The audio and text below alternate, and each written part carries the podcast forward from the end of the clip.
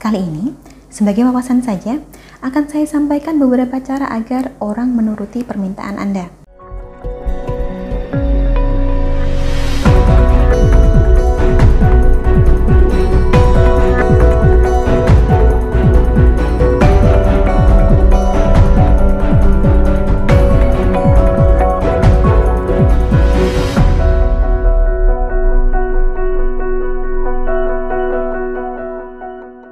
Salam Rahayu, kembali lagi dengan saya Dewi Sundari. Apa kabar Anda? Saya doakan semoga selalu sehat dan senantiasa diberikan kemudahan serta kelancaran di mana pun Anda berada. Kali ini, sebagai wawasan saja, akan saya sampaikan beberapa cara agar orang menuruti permintaan Anda.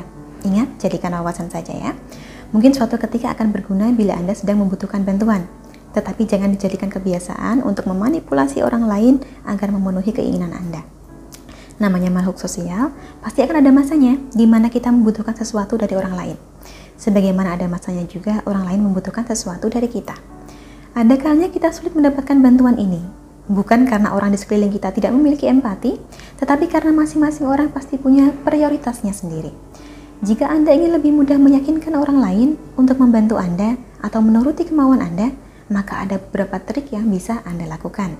Langsung saja, yang pertama, Pilihlah kata-kata yang bersifat menggiring. Bila Anda membutuhkan sesuatu atau meminta sesuatu, sampaikanlah dengan cara memberi pilihan, bukan memerintah.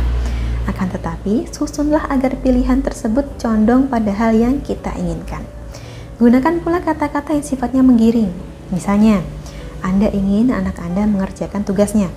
Jangan tanyakan, apa kamu mau mengerjakan tugas ini? Tapi sampaikanlah kamu pasti bisa mengerjakan tugas ini, bukan? Atau melakukan tugas ini pasti sesuatu yang mudah buatmu, bukan?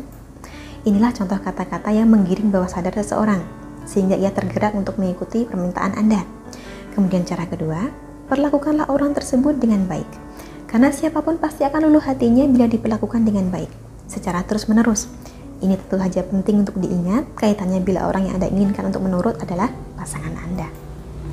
Jangan sungkan untuk menunjukkan bahwa Anda rela berkorban untuknya, sehingga suatu ketika Anda membutuhkan sesuatu untuk orang ini, ia akan sulit untuk menolak.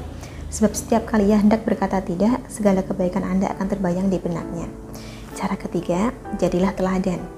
Orang akan mudah merasa tidak enak bila menolak suatu permintaan dari seseorang yang sehari-harinya menjaga sikap dengan baik, serta dapat menjadi panutan yang baik pula.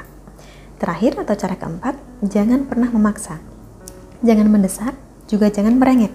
Karena justru perilaku semacam inilah yang membuat orang enggan menuruti permintaan Anda.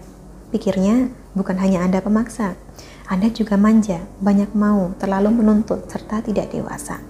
Kalaupun Anda membutuhkan sesuatu dari orang lain, sadarilah bahwa orang tersebut berhak untuk membuat keputusannya sendiri tanpa perlu Anda paksa. Karena kalau orang lain dipaksa, lain kali justru ia akan kapok menuruti Anda. Daripada memberikan perintah, lebih baik buatlah kesepakatan. Anda perlu ingat bahwa semakin orang dipaksa, akan semakin besar kemungkinannya untuk membenci serta menolak.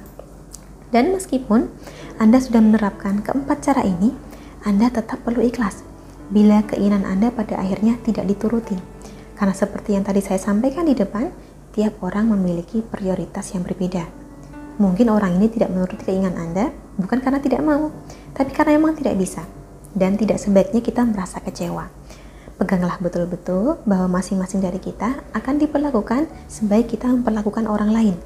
Jadi bila Anda ingin kemauan Anda lebih dituruti, maka mulai sekarang Anda juga harus belajar untuk mendengarkan kebutuhan orang lain juga. Intinya, perbaiki diri kita sebelum mengharapkan sesuatu dari orang lain. Kurang lebihnya, seperti itulah cara mudah agar orang lain tergerak untuk menuruti permintaan Anda. Terima kasih banyak untuk Anda yang telah menyaksikan. Sampai jumpa di kesempatan selanjutnya dan salam rahayu.